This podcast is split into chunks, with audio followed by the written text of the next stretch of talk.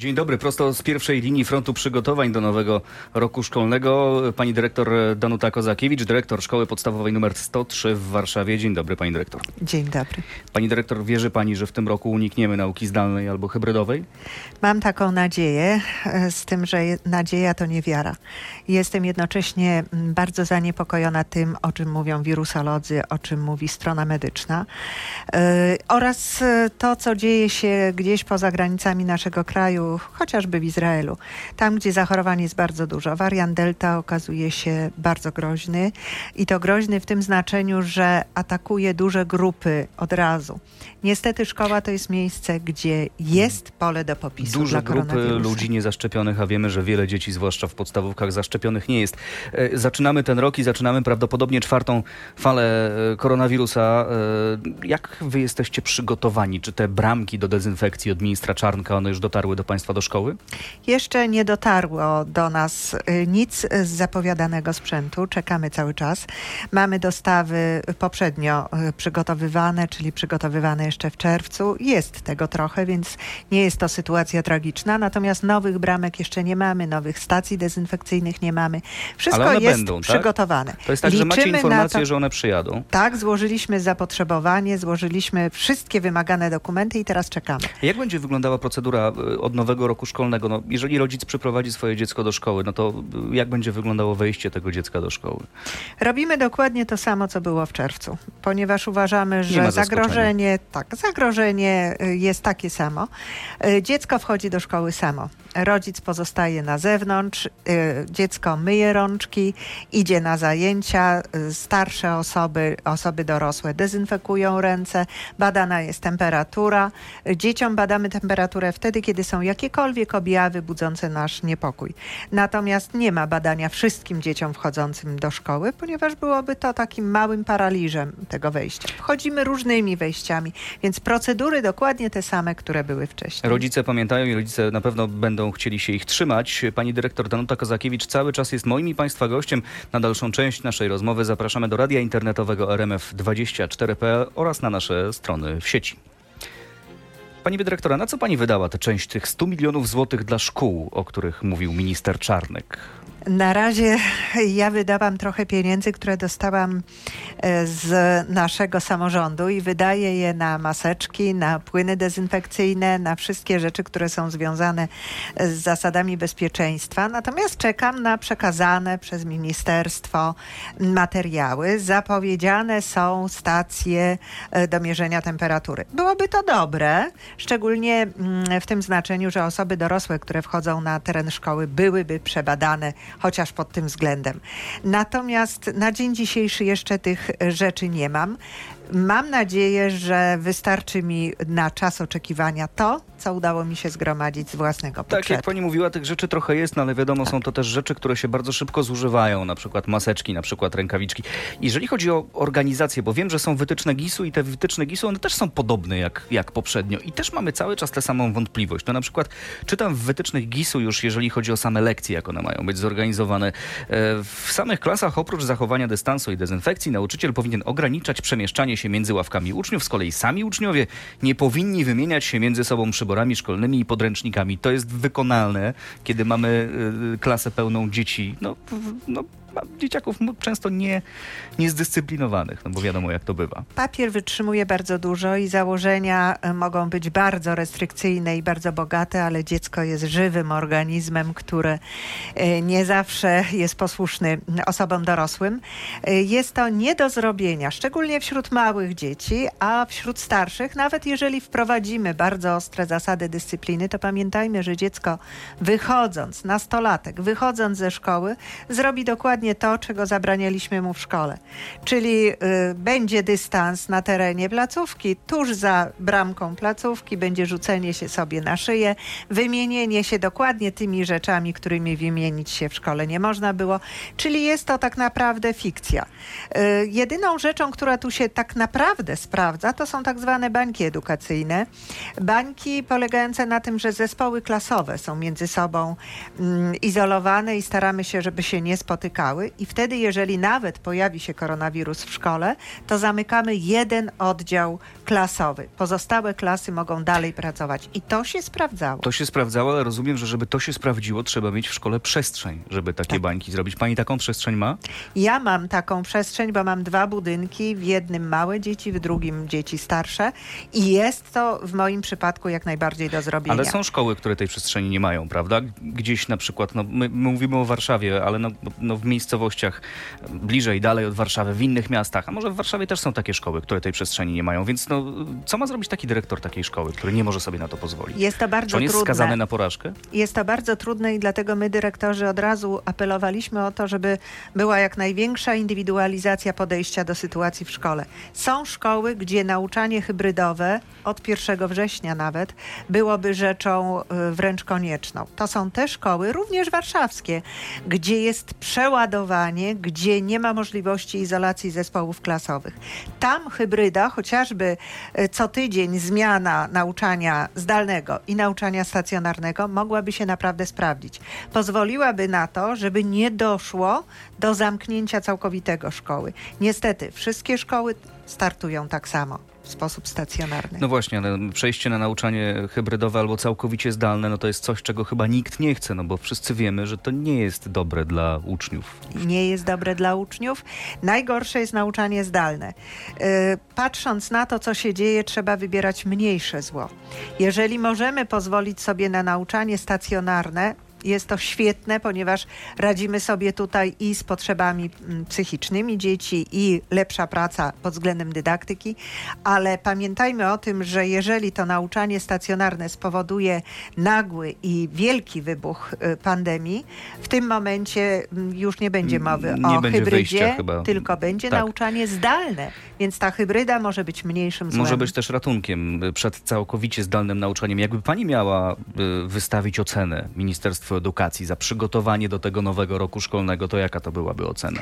Byłaby to na pewno ocena wyższa niż w ubiegłym roku szkolnym, ponieważ w ubiegłym roku szkolnym nie mieliśmy na czas prawie żadnych dokumentów. W tym roku szkolnym jednak w połowie wakacji już dostaliśmy wytyczne GIS-u, mogliśmy nad tym pracować, dostajemy te dokumenty nieco wcześniej, więc pod tym względem byłaby to lepsza ocena. Boję się tylko tego, że za mało jest y, informacji wynikających z tego, co mówią wirusolodzy.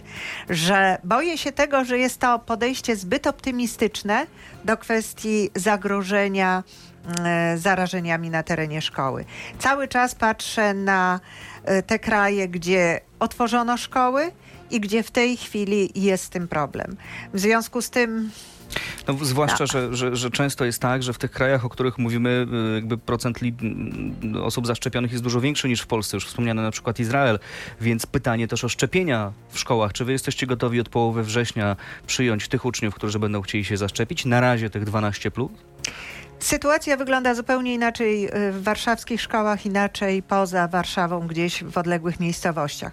W Warszawie organizowanie na terenie placówki takiego punktu nie jest konieczne, ponieważ zwykle mamy bardzo blisko punkt szczepień, gdzie możemy to swobodnie zrobić. U mnie wystarczy przejść przez kładkę i już jest punkt szczepień, z którym podpisałam porozumienie bezkosztowe. A są i tam chętni wśród rodziców? Oni już mówią, chcemy skorzystać? To dopiero zbieramy i to jest właśnie bolączka dyrektora, bo nie wiemy, jakie jest zapotrzebowanie. Przed wakacjami zaszczepiło się sporo osób.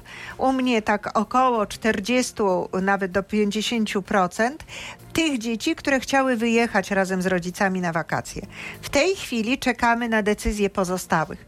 Dostaliśmy list ministra zdrowia zawierający bardzo racjonalne e, wyjaśnienia i e, takie tłumaczenia, namawiania skierowane do tych, którzy jeszcze się nie zaszczepili.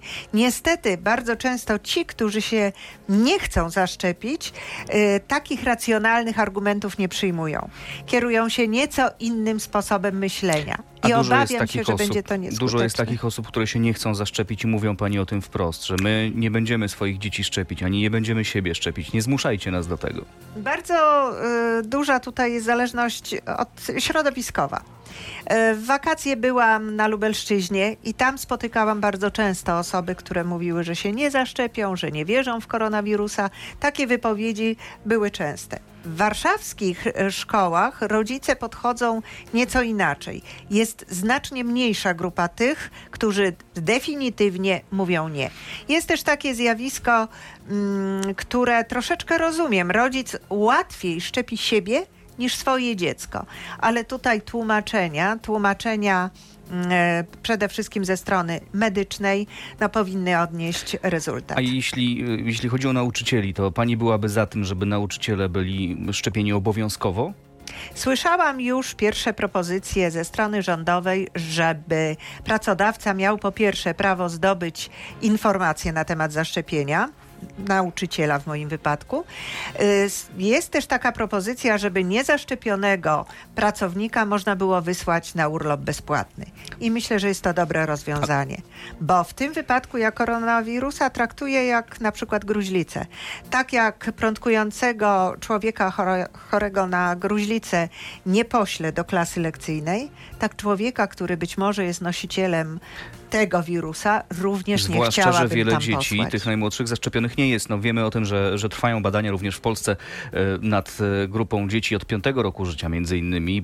Być może jeszcze w tym roku doczekamy się e, pozytywnej decyzji Europejskiej Agencji Leków w sprawie właśnie szczepienia tych młodszych dzieci. Czy to jest tak, że rodzice tych młodszych dzieci, oni przychodzą do pani i pytają, czy, czy wy jesteście gotowi przyjąć nasze dzieciaki, jeżeli już będzie decyzja, zielone światło, żeby je szczepić? Jest spora grupa rodziców, którzy chcą szczepić dzieci od szóstego roku życia i pytają, czy w takim wypadku pomożemy. Jeżeli tylko będzie zgoda naszych wierzchnich władz, na pewno to zrobimy. Jesteśmy gotowi, y, takie wycieczki y, można robić do punktów szczepień, bądź zorganizować punkt szczepień w szkole. Ja jestem z pokolenia, gdzie szczepienia odbywały się na terenie szkoły i sprawdzało się to naprawdę bardzo dobrze.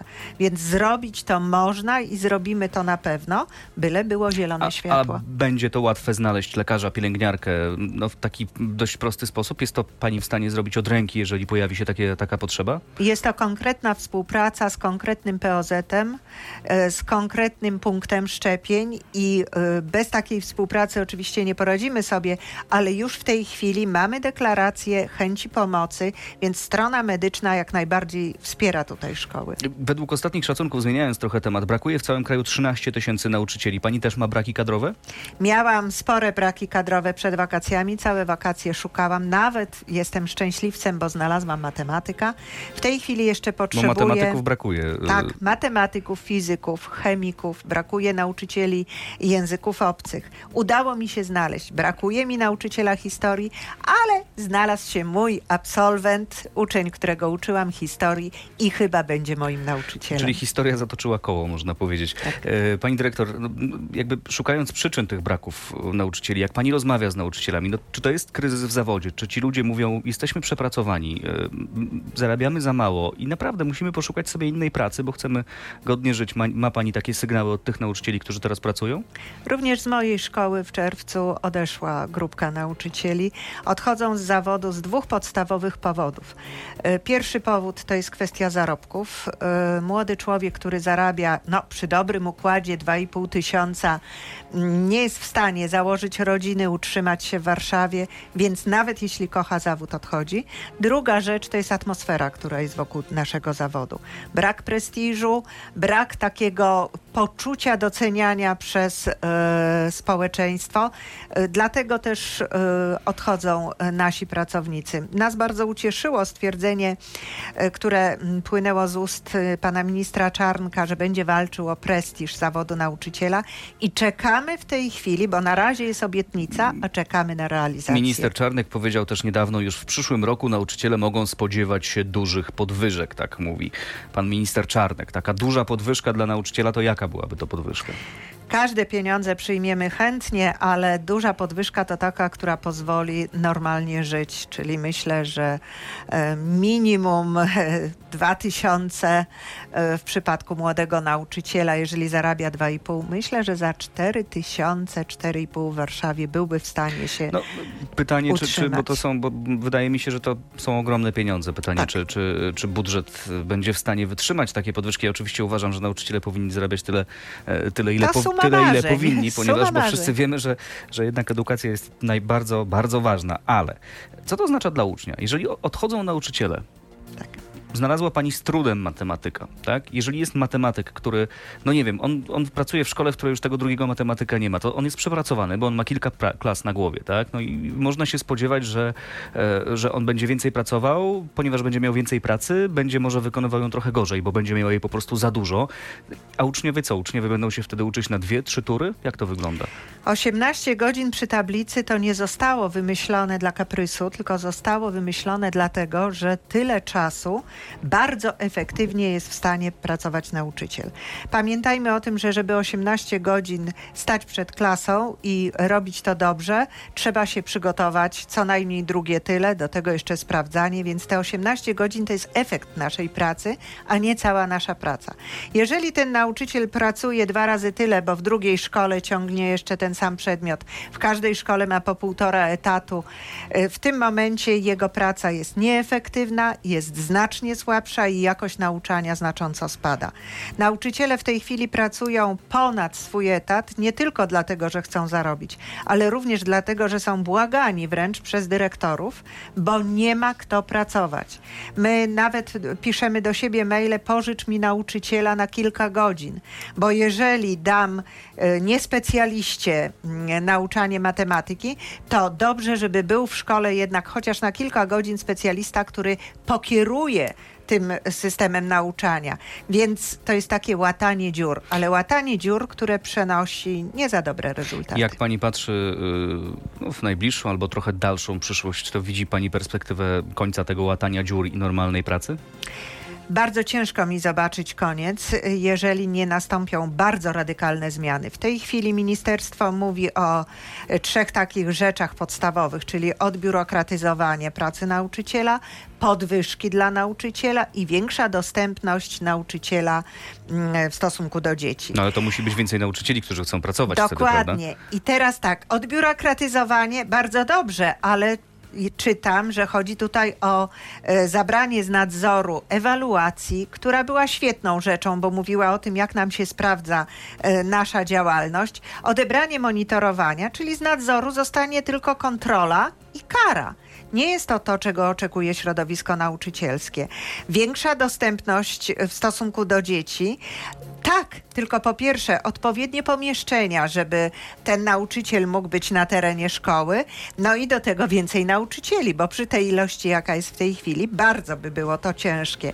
No i y, wydaje mi się, że wszystko to pięknie brzmi na papierze, ale realizacja i doprowadzenie do tego, żeby nie było e, problemów z zapełnieniem tych etatów, 13 tysięcy brakuje na 700 e, tysięcy. To prawda, że porównawczo są to Jest to mniejsze procent, cyfry, ale okaże się, ale- że być może będzie więcej niż 13 tysięcy za jakiś czas. No bo sama pani mówi, nauczyciele odchodzą i trudno jest to nowych, prawda? No, tu czy gdzie indziej to nie jest tak, że, że po prostu spływają do was CV i wy możecie sobie w nich Tak, przebierać. pamiętajmy o tym, że tam, gdzie piszemy, że nie brakuje, to są właśnie ci nauczyciele, którzy pracują na przykład w dwóch szkołach, e, w jednej i- i w drugiej, mając cały etat. Czyli ich jakość pracy jest naprawdę dużo mniejsza.